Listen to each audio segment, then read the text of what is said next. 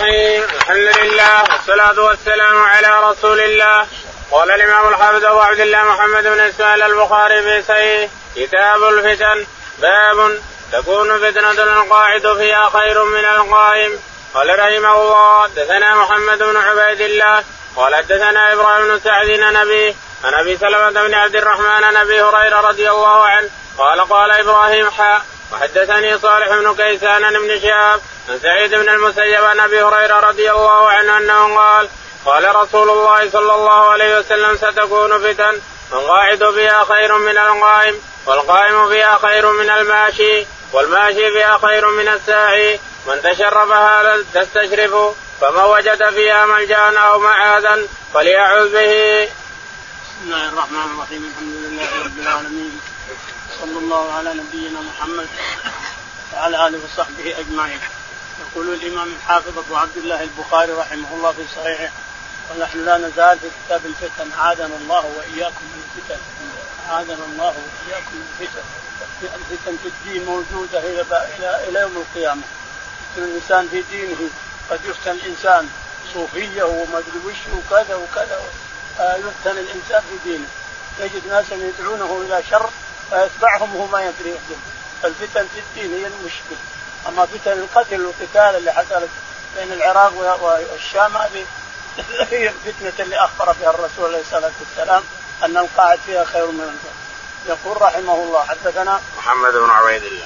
محمد بن عبيد الله. قال حدثنا إبراهيم بن سعد. إبراهيم بن سعد. قال حدثنا عن أبيه سعد. عن أبيه سعد قال عن أبي سلمة بن عبد الرحمن. عن أبي سلمة بن عبد الرحمن عن أبي هريرة. عن أبي هريرة رضي الله عنه قال ثم حول السنة قال حدثنا إبراهيم بن سعد. ثم حول السند قال حدثنا إبراهيم بن سعد قال عن صالح بن كيسان. عن صالح بن كيسان. يعني هذا متابع لسعد. قال حدثنا صالح بن كيسان قال عن ابن شهاب. عن ابن شهاب الزهري قال عن سعيد بن المسيب وعن أبي هريرة. عن سعيد بن المسيب رضي الله عنه أبي هريرة رضي الله تعالى عنه أن النبي عليه الصلاة والسلام قال نعم. ستكون فتن القاعد فيها خير من القائم يقول عليه الصلاة والسلام ستكون فتن. القاعد فيها خير من القائم والقائم فيها خير من الماشي. والماشي خير من اللي يجري يعني يقعد الإنسان لا لا يتشرف من فتنة. فتصيبه الفتنة تجرحه نعوذ بالله. تجترح وتمشي يمشي معها. الإنسان إذا شاف فتن ولا شاف أمور في دينه ولا رأى أناس يدعون إلى الشر فلا فلا يتبعهم. يذهب إلى بيته ويدخل بيته على نفسه أحسن له. نعم. قال رحمه الله دثنا أبو اليمان قال أخبرنا شعيب بن الزهري قال أخبرني أبو سلمة بن عبد الرحمن أن أبا هريرة رضي الله عنه قال قال رسول الله صلى الله عليه وسلم ستكون الفتن القاعد فيها خير من القائم والقائم خير من الماشي والماشي فيها خير من الساعي. من تشرف لا تستشرف ومن وجب الداء أو ملاذا فليعوذ به. يقول البخاري رحمه الله حدثنا أبو اليمان. أبو اليمان قال حدثنا شعيب عن الزهري. شعيب عن الزهري قال عن أبي سلمة عن أبي هريرة. عن أبي سلمة عن أبي هريرة رضي الله تعالى عنه أن النبي عليه الصلاة والسلام قال ستكون فتنة. القاعد فيها خير. القاعد فيها خير من الماشي. والماشي خير من والماشي خير من اللي يجري يركض. قال من تشرف لها تستشرف اعوذ بالله من تشرف لهذه الفتنة. يعني يقول بروح اصد هذه الفتنة. أو هذه إذا كانت فتنة قتال فلا يتشرف لها. وإن كانت فتنة في الدين فليحذر الإنسان. يحذر أعداء الشريعة. يحذر أعداء الشريعة. التصوف وأهل الأهواء وأهل اللي يجرون الناس إلى دين غير دين الإسلام. وهم يقولون إحنا مسلمين وحنا كذا. ويجرون الإنسان وهو لا يشعر إلى دين غير دين الإسلام وهم يزعمون أنهم مسلمون. فالشاهد لا يتشرف لها الإنسان. كلما رأيت انسان شيء يخالف الشريعة ويخالف الكتاب والسنة فلا تتبعه. لا تتبعه اتركهم نعم باب إذا التقى المسلمان بسيفيهما قال رحمه الله حدثنا عبد الله بن عبد الوهاب قال حدثنا حماد عن رجل لا يسمي عن الحسن قال خرجت بسلاحي ليالي الفتنة فاستقبلني أبو بكر رضي الله عنه فقال أين تريد؟ قلت أريد نصرة ابن عم رسول الله صلى الله عليه وسلم. قال قال رسول الله صلى الله عليه وسلم إذا تواجه المسلمان بسيفهما فكلاهما من أهل النار قيل فهذا القاتل. قال فما بال المقتول؟ قال فانه اراد قتل صاحبه قال حماد بن زيد فذكرت هذا الحديث لأيوب ويونس بن عبيد وأنا أريد أن يحدثني به. فقال إنما روى هذا الحديث الحسن عن الأحنف بن قيس عن أبي بكره. يقول البخاري رحمه الله حدثنا إذا التقى المسلمان بسيفيهما باب إذا التقى المسلمان بسيفيهما فالقاتل المقتول في النار. إذا التقى المسلمان بسيفيهما مسلم يقاتل مسلم بسيف بسيفه. هذا سال سيفه يضرب المسلم وهذا سال سيفه يضرب المسلم. نعوذ بالله. أعاذنا الله وإياكم من شر الفتن. فتن. إذا قامت الفتن ما يهم الإنسان يسلم سيفه على خير مسلم وهذا يسلم سيفه ويتقاتلان كما حصل بين العراق والشام كما سمعتم فيما مضى ويمكن يحصل بعد من يدري. حصل بين آه، الشام وبين أهل المدينة في الوقعة الحره اللي حصلت نعوذ بالله. الشاهد إن الفتن قد تكون تخمد تخمد تخمد ثم تظهر نعوذ بالله من ظهورها. يقول نعم. حدثنا عبد الله بن عبد الوهاب. حدثنا عبد الله بن عبد الوهاب. قال حدثنا حماد بن زيد. حماد بن زيد. قال حدثنا الرجل لم يسمه. الرجل لم يسميه. قال عن الحسن. عن الحسن البصري. قال خرجت بسلاحي ليالي الفتنة فاستقبلني أبو بكر. يقول الحسن أن خرج بسلاحه بينصر علي بن أبي طالب على معاوية فاستقبله أبو بكر. أبو بكر رضي الله تعالى عنه. فقال اين أين تريد؟ قال بنصر ابن عم رسول الله. قال لو حدثك إن النبي عليه الصلاة والسلام قال إذا التقى المسلمان بسيفيهما فالقاتل المقتول في النار. الاثنين في النار. قال وما بال المقتول؟ مقتول إيش قال حريص على قتل آحد. إنه كان حريصا على قتل صاحبه. فدخل النار الاثنين فرجع. الحسن كان يقاتل مع علي رجع يوم سمع الحديث رجع. نعم. قال رحمه الله حدثنا سليمان قال حدثنا حماد بهذا وقال محمد حدثنا حماد بن زيد قال حدثنا أيوب ويونس وهشام وعلى بن زياد عن الحسن عن الأحنف عن أبي بكر عن النبي صلى الله عليه وسلم ورواه معمر عن أيوب ورواه بكار بن عبد العزيز عن أبي عن أبي بكر قال قال غندر حدثنا شعبة منصور الربعي بن خراش عن أبي بكر عن النبي صلى الله عليه وسلم ولم يرفع سفيان عن منصور. يقول البخاري رحمه الله حدثنا سليمان سليمان قال قال حدثنا حماد بن زيد حدثنا حماد بن زيد قال بهذا الحديث يعني. بهذا الحديث الذي مضى نفسه نفس الحديث اذا التقى المسلمان بسيفيهما القاتل والمقتول في النار. وقال في السند المتصل حدثنا محمد. وقال في السند المتصل حدثنا محمد قال حدثنا حماد بن زيد. حماد بن زيد قال عن أيوب. عن أيوب السختياني قال ويونس.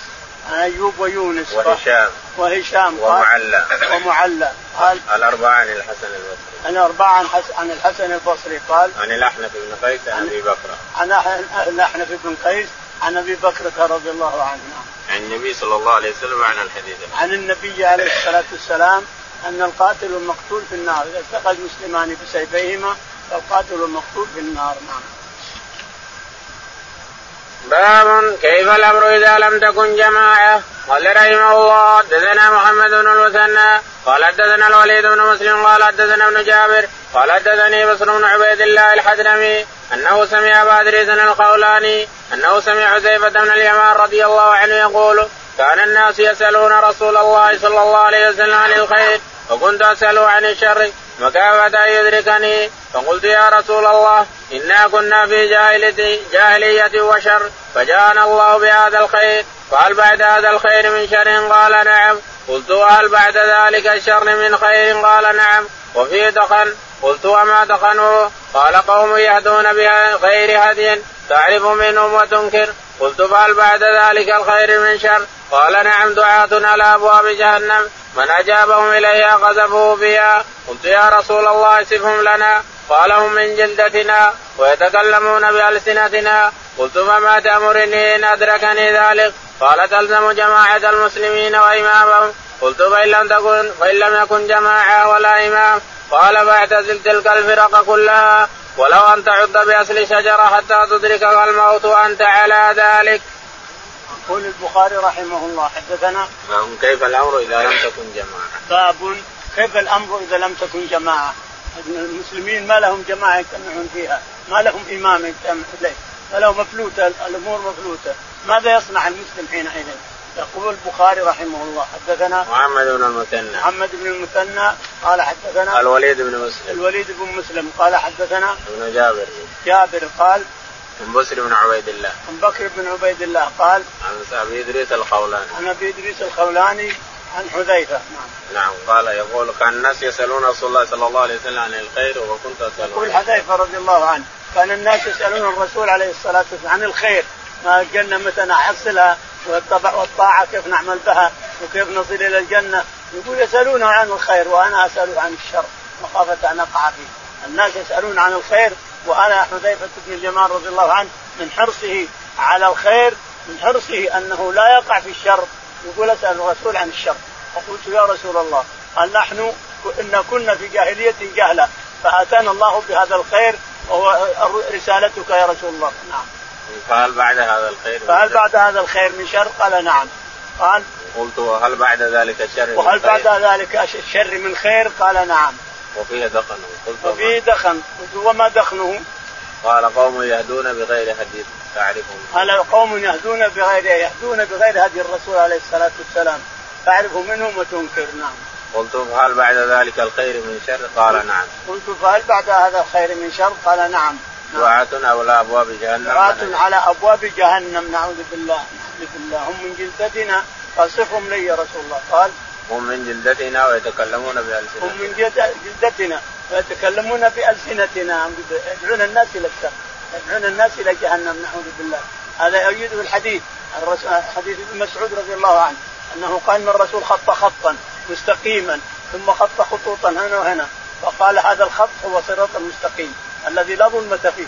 لا لا عوجة ولا ظلام فيه. مثل الشمس في النهار هذا الخط اسلكوه تجدون على الحوض. وتجدون جهنم. خطوط هنا وهنا يمنة ويسرى. هذه الخطوط على كل خط دعاة إلى يدعون إلى جهنم. دعاة على رأس جهنم دعاة من جلدتنا من جنسنا يدعون إلى جهنم. انظر الحين كم كم طريقة بالشام من من الصوفية. وعندنا حدثت الآن. وأمور تنكرها الإنسان من أفعال الناس أيضا هي من الشر. فالشاهد هنا أناس يدعون إلى جهنم. وهنا أناس يدعون إلى جهنم. نعم. قال قلت فما تأمرني أدركني ذلك؟ قلت فما تأمرني أدرك ذلك؟ يعني ما لهم جماعة المسلمين ما لهم جماعة. وفتن قامت واستغلت قال قال فاعتزل تلك الفرق كلها. قال اعتزل تلك الفرق كلها. نعم. ولو أن تعض بأصل شجرة حتى ولو أن تعض على شجرة بأصل شجرة حتى يلحقك الموت أو يأتيك الموت. علشان ما تفتن في دينك الانسان يعني الإنسان يفرد دينه من الفتن يحفظ دينه من الفتن ويفرد بدينه نعم. باب من كره أن يكثر سواد الفتن والظلم. قال رحمه الله حدثنا عبد الله بن يزيد قال حدثنا خير وغيره قال حدثنا أبو الأسود وقال الليث ابي الأسود قضي على أهل المدينة بعث فاكتتبت فيه فلقيت عكرمة فاخبرته فنهاني أشد النهي. ثم قال أخبرني ابن عباس رضي الله عنهما أن أناسا من المسلمين كانوا مع المشركين يكثرون سواد المشركين على رسول الله صلى الله عليه وسلم فيأتيهم السهم فيرمى فيصيب أحدهم فيقتله أو يضربه فيقتله. فأنزل الله تعالى إن الذين توفاهم الملائكة ظالمي أنفسهم الآية. يقول البخاري رحمه الله حدثنا باب من كره أن يكثر سواد الفتن باب من كره أن يكثر سواد المشركين. يعني تصير مع المسلمين تكثر سوادهم على المسلمين هذا هو الشر نعوذ بالله. حدثنا عبد الله بن يزيد. عبد الله بن يزيد. قال حدثنا أيوة بن شريح وغيره. أيوة بن شريح وغيره. وغيره. قال قال حدثنا أبو الأسود. قال حدثنا أبو الاسود الأسود نعم. وقال الليث عن أبي الأسود. وقال الليث عن أبي الاسود يعني يتيم عروة. قال؟ قال قطع على أهل المدينة بعد. قال قتل كتب على أهل المدينة بعد يعني يزيد بن معاوية. لما مات معاوية واستخلف يزيد بن معاوية يزيد فاسق عند الناس. يزيد عند الناس فاسق. أهل المدينة ارتدوا خلعوه. قالوا ما نريد يزيد يصير خليفة علينا. فأرسل لهم بعد. فرأسه مسلم بن قتيبة يسمونه العلماء مسلم بن قتيبة. فجاء البعث الجيش إلى المدينة فقتلهم أهل المدينة ولكنه هزم انهزم الجيش. المدينة انهزموا أمام الجيش. واستباح المدينة أباح على الجيش ثلاث ثلاث أيام حتى حمل ثلاث آلاف هذه الفتن هذه هذه هي الفتن. يعني تقومون أهل المدينة تقابلون جيش ما أنتم على كفله. قتلونه قتل الرجال كلهم ولا بقي للنساء اطاحوا ثلاثة أيام للجيش. وحمل ثلاثة آلاف هذه هي الفتن نعم. قال أبو الأسود فاكتتبت فيه فلقيت عكرمة فاخبرني فاخبرته فنهاني اشد النهي. قال ابو ابو الأسود. أبو الأسود يتيم عروة عبد الرحمن النوفلي. قال إني كتبت في هذا الجيش اللي يبعث من الشام إلى المدينة. فلقاني عكرمة. عكرمة فنهاني عن ذلك. أشد النهي. أشد النهي. وأخبر أن لما استمع إلى بسيفيهما القاتل المقتول فنهاني فرجع عن ان لا يبعث في الجيش هذا يقول رفضت أن اكتب في الجيش اللي ذهب إلى المدينة نعم. ثم قال أخبرني ابن عباس أن ناس من المشركين كانوا مع الم... أن ناس من المسلمين كانوا مع المشركين يكثرون سواد المشركين على رسول الله. ثم أخبرني يقول ابن عباس عكرمة عكرمة أن أناسا مسلمين كانوا مع المشركين يكثرون سوادهم على رسول الله عليه الصلاة والسلام وهم مع هم مسلمين لكن صاروا مع المشركين يكثرون سوادهم فيصيب الواحد منهم السهم ويقتله وهو على حالته هذا فيدخل جهنم فقال ف... فأنزل الله إن الذين توفاهم الملائكة فلما سأل أنزل الله تعالى وتقدس إن الذين توفاهم الملائكة ظالمي أنفسهم قالوا فيما كنتم؟ الملائكة يسألونهم فيما كنتم؟ تعملون إيش كنتم؟ قالوا كنا مستضعفين في الأرض قالوا لم تكن أرض الله واسعة فتهاجروا فيها فأولئك مأواهم جهنم وساءت مصيرا. يعني ما كفاهم أنهم يعتذرون ما في أنتم عندكم الأرض هاجروا من الأرض واذهبوا عنه لا تنصروا المشركين على المسلمين على الرسول نعم. باب إذا بقي في حثالة من الناس قال رحمه الله حدثنا محمد بن كثير قال أخبرنا سفيان قال حدثنا الأعمش عن زيد بن أبي قال حدثنا حذيفة رضي الله عنه قال حدثنا رسول الله صلى الله عليه وسلم حديثين. رأيت أحدهما وأنا أنتظر الآخر. قال حدثنا أن الأمانة نزلت في جذر قلوب الرجال. ثم عملوا من القرآن. ثم علموا من السنة. وحدثنا الرفيع قال ينام الرجل النوم فتقبض الأمانة من قلبه فيذل أثرها مثل أثر الوقت. ثم ينام النوم فتقبض فيبقى فيها أثرها. مثل أثر المجل كجمرة دحرجته على رجلك فنفط فتراه منتبرا وليس فيها شيء. ويصبح الناس يتبايعون. فلا يكاد أحد يؤدي الأمانة فيقال إن في بني فلان رجلا امينا. وقال للرجل ما عقله وما أظفره وما أجلده وما في قلبه مثقال حبة خردل من إيمان. ولقد أتى علي زمان ولا أبالي أيكم بايعت لئن كان مسلما رده علي الإسلام وإن كان نصرانيا رده علي ساعي. وأما اليوم فما كنت أبايع إلا فلانا وفلانا. الزمان الماضي وكيف يومنا هذا؟ يقول البخاري رحمه الله حدثنا باب إذا بقي في حثالة باب إذا بقي في حثالة من الناس. انذال كلهم أراذل حثالة أراذل من الناس بقي فيهم. يعني صار في وسطهم. ولا وقت ووقت كله انذال وأراذل. واهل شر؟ ماذا يصنع؟ قال حدثنا محمد بن كثير حدثنا محمد بن كثير العبدي قال حدثنا سفيان الثوري.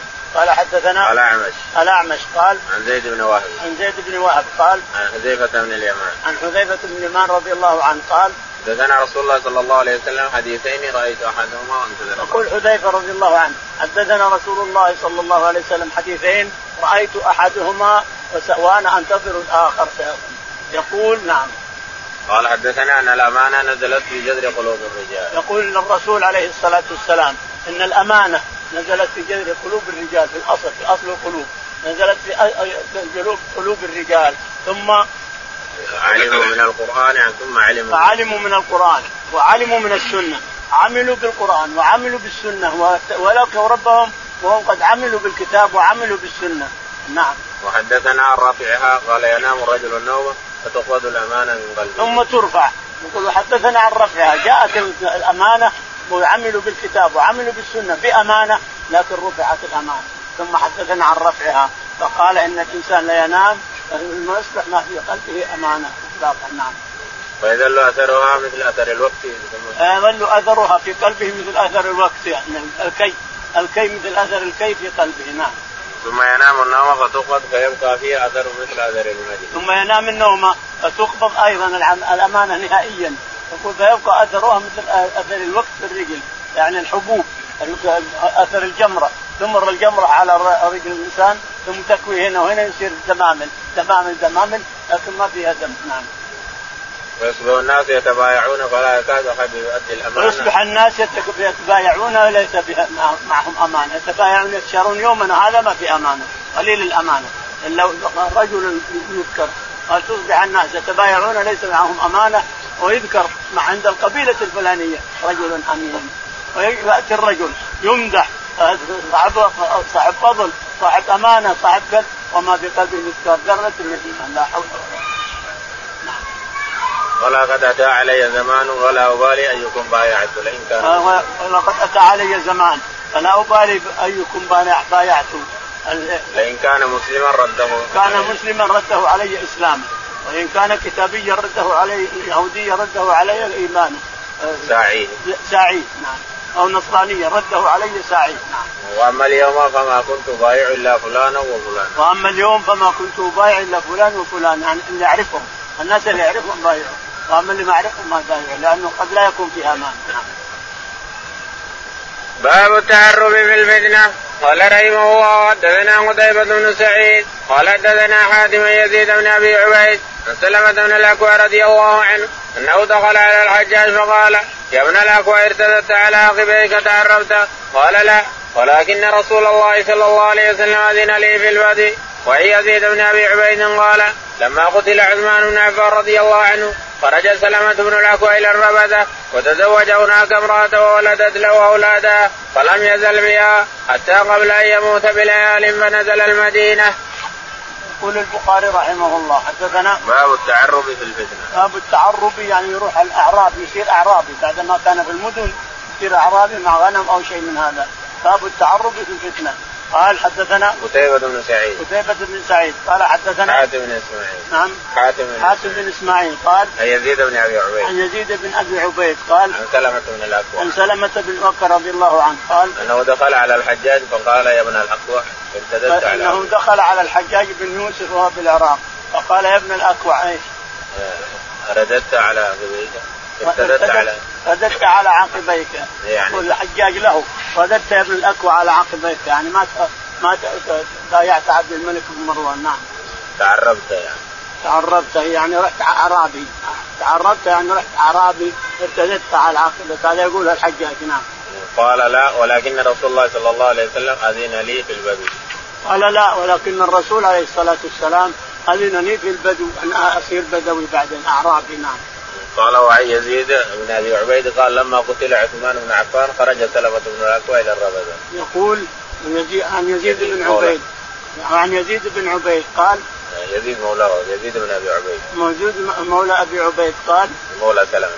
مولى سلمة بن الأكوع قال لما قتل عثمان بن عفان خرج سلمة بن الأكوع إلى الربذة لما قتل عثمان بن عفان أكبر فتنة نعوذ بالله أكبر فتنة قتل عثمان رضي الله عنه. خليفة المسلمين. ينزل عليه ناس من أشرار خلق الله يقتلونه في في بيتي وامرأته عنده نائلة. عند الفرافصة ينزل دمه. على قوله فسيكفيكم في المصحف. يقرأ ينزل دمه. ما في أحد كف الناس عنه الاشرار المدينة مليانة من الصحابة ومن اعيان الصحابة. ما حد كفهم عنه. الله مريد هذا هذه الفتنة. هذه أكبر فتنة حدثت قتل عثمان رضي الله عنه. يقول سلمة بن أكوع يقول لما قتل عثمان أجرت إلى الربذة وجلست فيها وتزوج فيها وجاءت امرأته بأولاد له. ثم قبل موته بليالي نزل المدينة ومات بالمدينة. قال رحمه الله دثنا عبد الله بن يوسف قال أخبرنا مالك بن عبد الرحمن بن ابي عبد الله بن أبي صعصع عن ابي عن أبي سعيد الخدري رضي الله عنه أنه قال قال رسول الله صلى الله عليه وسلم يوشك أن تكون خير مال المسلم غنم يتبع بها شعب الجبال ومواقع القدر يفر بدينه من الفتن. يقول البخاري رحمه الله حدثنا عبد الله بن يوسف عبد الله بن يوسف قال حدثنا مالك بن أنس. مالك بن أنس قال حدثنا عبد الرحمن بن عبد الله. عبد الرحمن بن عبد الله قال عن أبي عبد الله بن أبي عن أبي عبد الله بن موسى قال عن أبي سعيد الخدري. عن أبي سعيد الخدري رضي الله تعالى عنه أن النبي عليه الصلاة والسلام قال يوشك أن يكون خير مال المسلم غنم يتبع بها يقول عليه الصلاة والسلام يوشك أن يكون خير مال المسلم غنم يتتبع بها شعب الجبال. يعني المعتزل الناس يفر بدينه من الفتن. يجد فتن الفتن كقطع الليل المظلم يفر بدينه إلى شعاب الجبال علشان لا يرتد عن الإسلام نعم. باب التعوذ من الفتن قال رحمه الله حدثنا معاذ بن فضالة قال حدثنا هشام قتاده عن أنس بن مالك رضي الله عنه قالوا سألوا النبي صلى الله عليه وسلم حتى افوا في المسألة؟ فسعد النبي صلى الله عليه وسلم ذات يوم من المنبر فقال لا تسألون عن شيء إلا بينت لكم فجعلت أنظر يمينا وشمالا فإذا كل رجل رأسه في ثوبه يبكي فأنشأ رجل قال إذا لاح يدعى إذا يدعى إلى غير أبي فقال يا نبي الله من أبي؟ فقال أبوك حذافة. ثم أنشأ عمر فقال رضينا بالله ربا وبالإسلام دينا. وبمحمد رسولا نعوذ بالله من سوء الفتن. فقال النبي صلى الله عليه وسلم ما رأيت في الخير والشر كاليوم قط. إنه صورت للجنة والنار حتى رايت ما دون الحائط. قال قتاده يذكر هذا الحديث عند هذه الآية. يا أيها الذين آمنوا لا تسألوا عن أشياء إن تبد لكم تسوكم وقال عباس النرسي قال حدثنا يزيد بن ذري قال حدثنا سعيد قال حدثنا قتادة أن ناسا حدثهم أن نبي الله صلى الله عليه وسلم بهذا وقال كل رجل لا راسه في ثوبه يبكي وقال أعوذ بالله من سوء الفتن أو قال أعوذ بالله من سوء الفتن. وقال لي خليفة حدثني يزيد بن زرعي قال حدثنا سعيد ومعتمر عن أبيه عن قتادة أن أنس حدثهم عن النبي صلى الله عليه وسلم بهذا وقال أعوذ بالله من شر الفتن. يقول البخاري رحمه الله حدثنا التعوذ من الفتن. باب التعوذ من الفتن. باب التعوذ من الفتن. اعوذ بالله من الفتن. نعوذ بالله وإياكم من الفتن. يقول حدثنا معاذ بن فضالة. معاذ بن فضالة. قال حدثنا هشام بن عبد الله. هشام بن حسان. قال حدثنا هشام بن عبد الله عن قتادة. هشام بن عبد الله بن عبد الله عن قتادة. عن قتادة قال عن أنس بن مالك. أنس بن مالك رضي الله تعالى قال سألوا النبي صلى الله عليه وسلم حتى في المسألة سأل النبي عليه الصلاة والسلام حتى أحفوه من المسألة. نعم. وسعيد النبي صلى الله عليه وسلم ذات يوم من المنبر فقال لا تسألوا عن شيء إلا بينت لكم فصعد الرسول عليه الصلاة والسلام ذات يوم من المنبر وقال لا تسألوني عن شيء إلا أخبرتكم. يقول فبكى الناس. قال هذا الكلام عرفوا إن المسألة فتن فتن. فبكى يقول ما رأيت أحدا إلا وثوبه فوق رأسي يصيحون يصيحون كانه قال ما تسالون عن شيء إلا أخبرتكم به. أنزل الله إن تسألوا عن أشياء تبدى لكم. وإن تسألوا عنها حين يؤمنون القران تبدى لكم. أول قال لا تسألوا عن أشياء. إذا سالتموه والقرآن ينزل رايحه تنزل. لكن لا تسألوا أحسن لكم. لأنكم ان إن سألتم والقرآن ينزل. نزل أشياء قد تكرهون الإنسان وهي شر. نعم. وقال فأنشأ رجل كان إذا لاح يدعى إلى غير أبيه. فأنشأ رجل يعني تكلم رجل يسأل الرسول عليه الصلاة والسلام إذا لاح يتخاصم مع أحد سبوه وقالوا إنت أبوك ما يعرف إنت أبوك. يسب بابيه فقال يا رسول الله من أبي؟ قال أبوك عبد الله بن حذافة السهمي. هذا هو. هذا أبوه الصحيح. هذا أبوه الصحيح. والأول إذا تخاصم معه قالوا لا أنت مالك أبو وأنت كذا وأنت كذا يروح يسال امه وتزعل امه ذلك تشتمه وتشتمه لكن لما قال الرسول أبوك عبد الله بن حذافة السامي أخبر أمه ففرحت فرحا شديدا نعم. قال ثم أنشأ عمر فقال رضينا بالله ربا وبالإسلام. ثم أنشأ عمر يتكلم فقال رضينا بالله ربا يا رسول الله جلس على ركبه. عمر قام جلس على ركبه. قال رضينا بالله ربا وبالإسلام دينا محمد صلى الله عليه وسلم رسولا. نعوذ بالله من سوء الفتن. نعوذ بالله من سوء الفتن. يتكلم الرسول بالمنبر ساكت قال نعوذ بالله من شر الفتن ومن سوء الفتن. نعم. فقال النبي صلى الله عليه وسلم ما رأيت في الخير ما رأيت في الخير والشر كاليوم قط. يقول الرسول عليه الصلاة والسلام ما رايت كالخير والشر مثل اليوم هذا، اليوم هذا في شر وخير، رأيت الجنة والنار دون الحائط، رأيت الجنة والنار دون الحائط دون الجدار. فقال قال قتادة يذكر هذا الحديث عند هذه الآية يا أيها الذين آمنوا لا تسألوا عن أشياء تبد لكم. يقول قتادة هذا الحديث يذكر عند الآية اللي يقول الله تعالى يا أيها الذين آمنوا تسألوا عن أشياء تبد لكم. لا تسألوا عن أشياء لا تسأل لا تكثر السؤال. إنكم تسألوا عن عن والرسول والوحي ينزل تبدى لكم وهي مكروه قد تكون شر وقد يقفل عليكم باب هو خير لكم. لا تسألوا عن أشياء. انكم تسالوها تبدى لكم. ينزل القرآن فإذا نزل القرآن عن السؤال ربما تسأل عن شيء مباح يحرم الله بسببه. هذا الرسول عليه الصلاة والسلام. قال شر الناس شر الناس. الذي يسأل عن مسألة وينزل القرآن على مسالته أما ينزل على تحريم شيء أو إباحة شيء أو على على كذا. ينزل القرآن. إجابة يصير شر على المسلمين كافه يقول هذا شر. نعم. ثم قال وحدثنا عباس النرسي ثم قال وحدثنا عباس النرسي نعم. قال حدثنا يزيد بن زريع. حدثنا يزيد بن زريع قال عن سعيد بن أبي عروبة. عن سعيد بن أبي عروبة قال عن قتادة عن أنس. عن قتادة عن أنس بن مالك رضي الله عنه. قال النبي الله صلى الله عليه وسلم حدث بهذا وقال كل رجل لا راسه في ثوبه يقول أنس إن النبي لما حدث بهذا رأيت الناس كل لف راسه في ثوبه يبكي يبكون من خشيه أن تقع الفتن أو من غضب الله ورسوله. باب قول النبي صلى الله عليه وسلم الفتنة من قبل المشرق قال رحمه الله دثنا عبد الله بن محمد قال دثنا هشام بن يوسف عن معمر الزهري عن سالم بن نبي عن النبي صلى الله عليه وسلم أنه قام إلى جنب المنبر فقال الفتنة ها هنا الفتنة ها هنا من حيث يطلع قرن الشيطان أو قال قرن الشمس. يقول البخاري رحمه الله باب الفتنة من المشرق. من المشرق تخرج من المشرق. شرق المدينة العراق. شرق اذا صرت بالمدينة الإنسان الزهري قال عن سالم عن أبيه. عن سالم بن عمر عن أبي عبد الله بن عمر رضي الله عنه أن النبي عليه الصلاة والسلام قال قال أنه قام إلى جنب المنبر فقال الفتنة ها هنا الفتنة ها هنا. أنه قام إلى جنب المنبر عليه الصلاة والسلام واقف ما طلع المنبر واقف عند جنب المنبر. فقال فتنة ها هنا فتنة ها هنا فتنه يعني من جهة الشرق. الشرق والشمس تطلع على المدينة من جهة العراق. نعم. قال رحمه الله حدثنا قتيبة بن سعيد قال حدثنا الليث عن نافع عن ابن عمر رضي الله عنهما أنه سمع رسول الله صلى الله عليه وسلم مستقبل المشرق يقول ألا إن الفتنة هنا؟ من حيث يطلع قرن الشيطان. يقول البخاري رحمه الله حدثنا قتيبة. قتيبة. قال حدثنا الليث. الليث. قال حدثنا نافع عن ابن عمر. نافع عن ابن عمر أن النبي عليه الصلاة والسلام قال وهو سمع رسول الله وهو مستقبل المشرق يقول ألا إن الفتنة هنا. يقول ابن عمر سمعت الرسول عليه الصلاة والسلام وهو مستقبل المشرق يقول ألا إن الفتنة من ها هنا ألا إن الفتنة من ها هنا يشير إلى العراق يشير إلى الشرق نعم.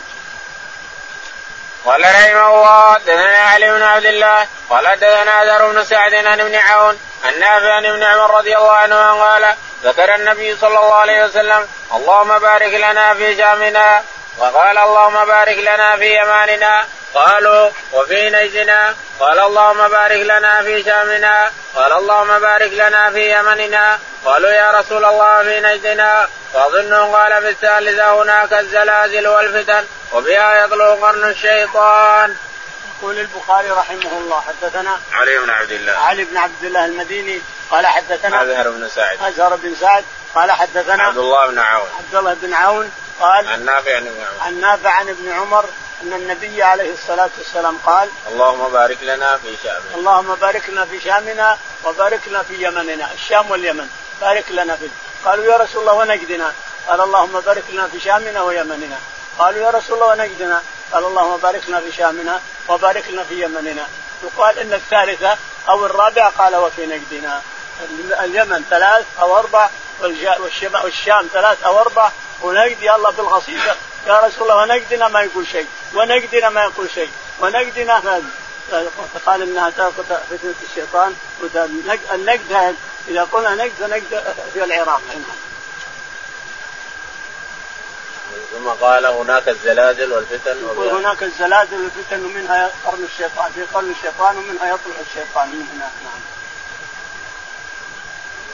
قال رحمه الله حدثنا إسحاق الواسطي قال حدثنا خلفا بيان أبو ابرة بن عبد الرحمن عن سعيد بن جبير قال خرج علينا عبد الله بن عمر فرجونا أن يحدثنا حديثا حسنا قال فبادرنا إليه رجل فقال يا أبا عبد الرحمن حدثنا عن القتال بالفتنة والله يقول وقاتلهم حتى لا تكون فتنة. وقال هل تدري ما الفتنة؟ ثقلتك أمك إنما كان محمد صلى الله عليه وسلم يقاتل المشركين.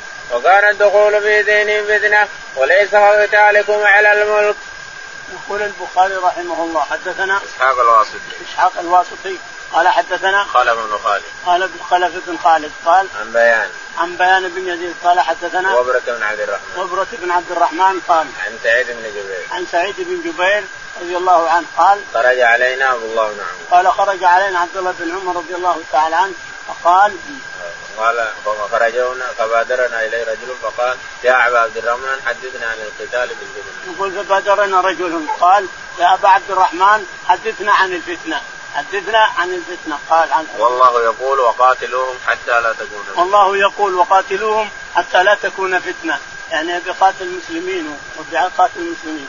قال فقال عبد الله بن عمر فقال هل تدري ما الفتنة؟ ثكلتك أمك. فقال هل تدري؟ قال عبد الله بن عمر يجيبه هل تدري ما الفتنه ثكلتك أمك؟ يعني فقدتك أمك. ثكلتك أمك. هل تدري ما هي الفتنة التي نزلت الآية فيها؟ قال ابن عمر. إنما كان محمد صلى الله عليه وسلم يقاتل المشركين. إنما كان محمد عليه الصلاة والسلام يقاتل المشركين وفيهم نفسوس من المسلمين. نعم. وكان الدخول في دينهم فتنة. وكان الدخول في دينهم فتنة. نعم. وليس كقتالكم على الملك لا فتنة لأنه فتنة عن الإسلام صدود عن الإسلام. وليس الفتنه قتالكم اليوم على الملك. أنتم اليوم تقاتلون تتقاتلون على الملك. وأما قبل تقاتلون على الإسلام والكفر. هذول كفار وهذول مسلمين. أنتم اليوم تتقاتلون على الملك تبون الملك. نعم. باب الفتنة التي تموج كموج البحر. وقال ابن عيينة خلف بن عوشب. كانوا يستحبون أن يتمثلوا بهذه الأبيات عند الفتن.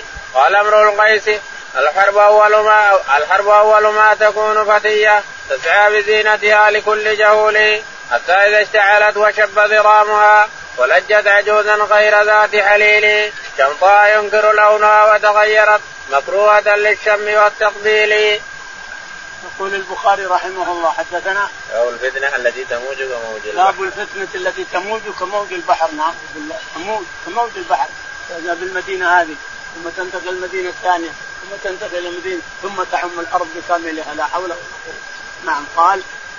قال وقال ابن عيينة عن خلف بن حوشب. وقال ابن عيينة عن خلف بن حوشب كانوا يتمثلون. أيوه بهذه الأبيات عند الفتن. يتمثلون بهذه الأبيات عند الفتن. يقول امرؤ القيس نعم.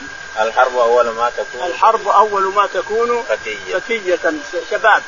الحرب اول ما تكون شباب لكن إيش تصير بعدين؟ تسعى بزينتها لكل جهول. تسعى لزينتها لكل جهول. شباب كأن الشباب والجاهل يظن إنها فتاة من؟ ثم بعد ذلك نعم. حتى إذا اشتعلت وشب ضرامها ولت عجوزا غير ذات حليل يقول حتى اشتعلت وشب ضرامها صارت عجوز ولت عجوزا غير ذات حليل غير ذات حليل نعم. شمطاء. شمطاء. ينكر لونها وتغيرت. ينكر لونها وتغيرت. وتغيرت حتى صارت مكروهة للشم والتقبيل. فصارت مكروهة للشم والتقبيل يعني هذا الدنيا هذا الحرب. الحرب أول ما تكون فتية ثم تكون عجوز شمطاء يكره شمها وقربها. لا شك أن الحرب شيء نعوذ بالله نعوذ بالله من الفتن.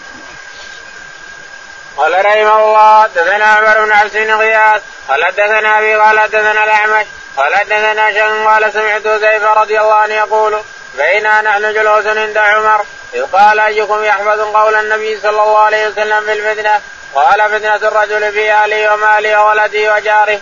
تكفر الصلاة والصدقة والأمر بالمعروف والنهي عن المنكر. قال ليس أنا هذا أسألك ولكن التي تموج كموج البحر. قال ليس عليك منها بأس يا أمير المؤمنين. إن بينك وبينها بابا مغلقا. قال عمر اكسر الباب أم يفتح. قال بل يكسر. قال عمر إذا لا يغلق أبدا. قلت أجل. قلنا لحذيفة كان عمر يعلم الباب. قال نعم كما أعلم أن دون الغد ليلة. وذلك أني حدثته حديثا ليس بالأقاليد. فإمنا أن نسأله من الباب. فأمرنا مسروقا فسأله فقال من الباب؟ قال عمر.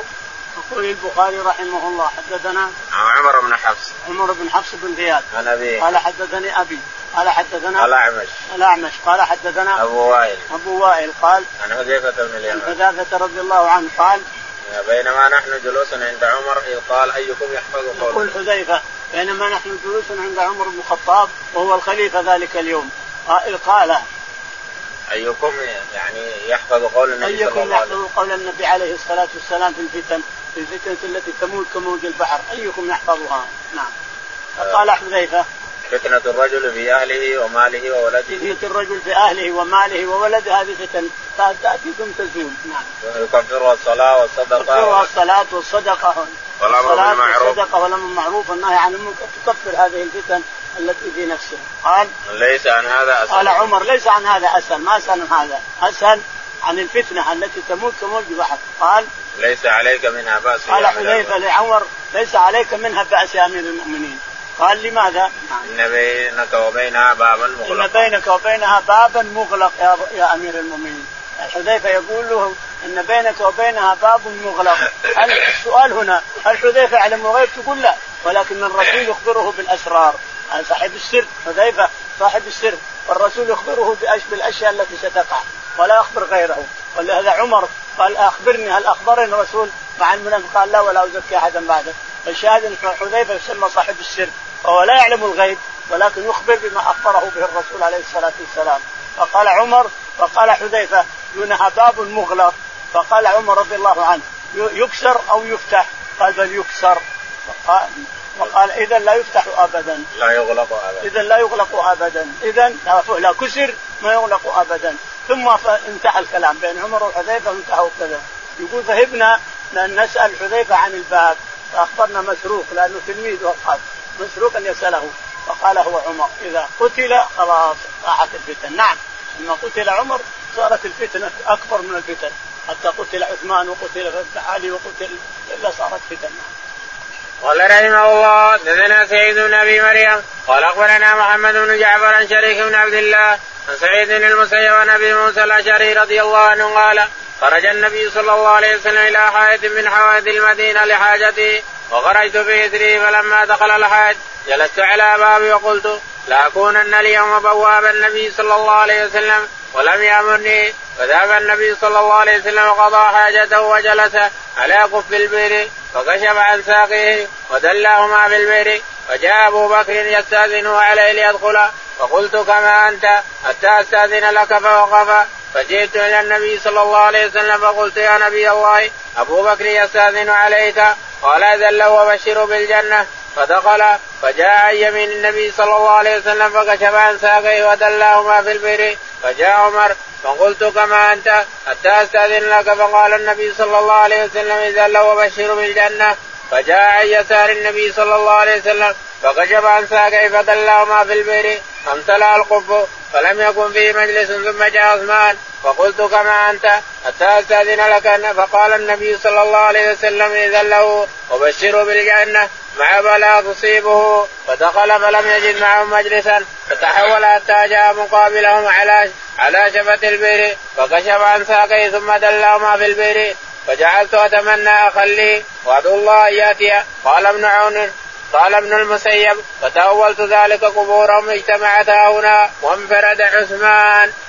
يقول البخاري رحمه الله حدثنا سعيد بن أبي مريم سعيد بن أبي مريم قال حدثنا محمد بن جعفر. محمد بن جعفر قال عن شريك بن أبي نمر. عن شريك بن أبي نمر قال عن سعيد بن المسيب. عن سعيد بن المسيب قال عن أبي موسى الأشعري. عن أبي موسى الأشعري رضي الله تعالى عنه قال خرج النبي صلى الله عليه وسلم إلى حائط من حوائط المدينة لحاجته يقول خرجت إلى حائط من حوائط المدينة لحاجتي. نعم.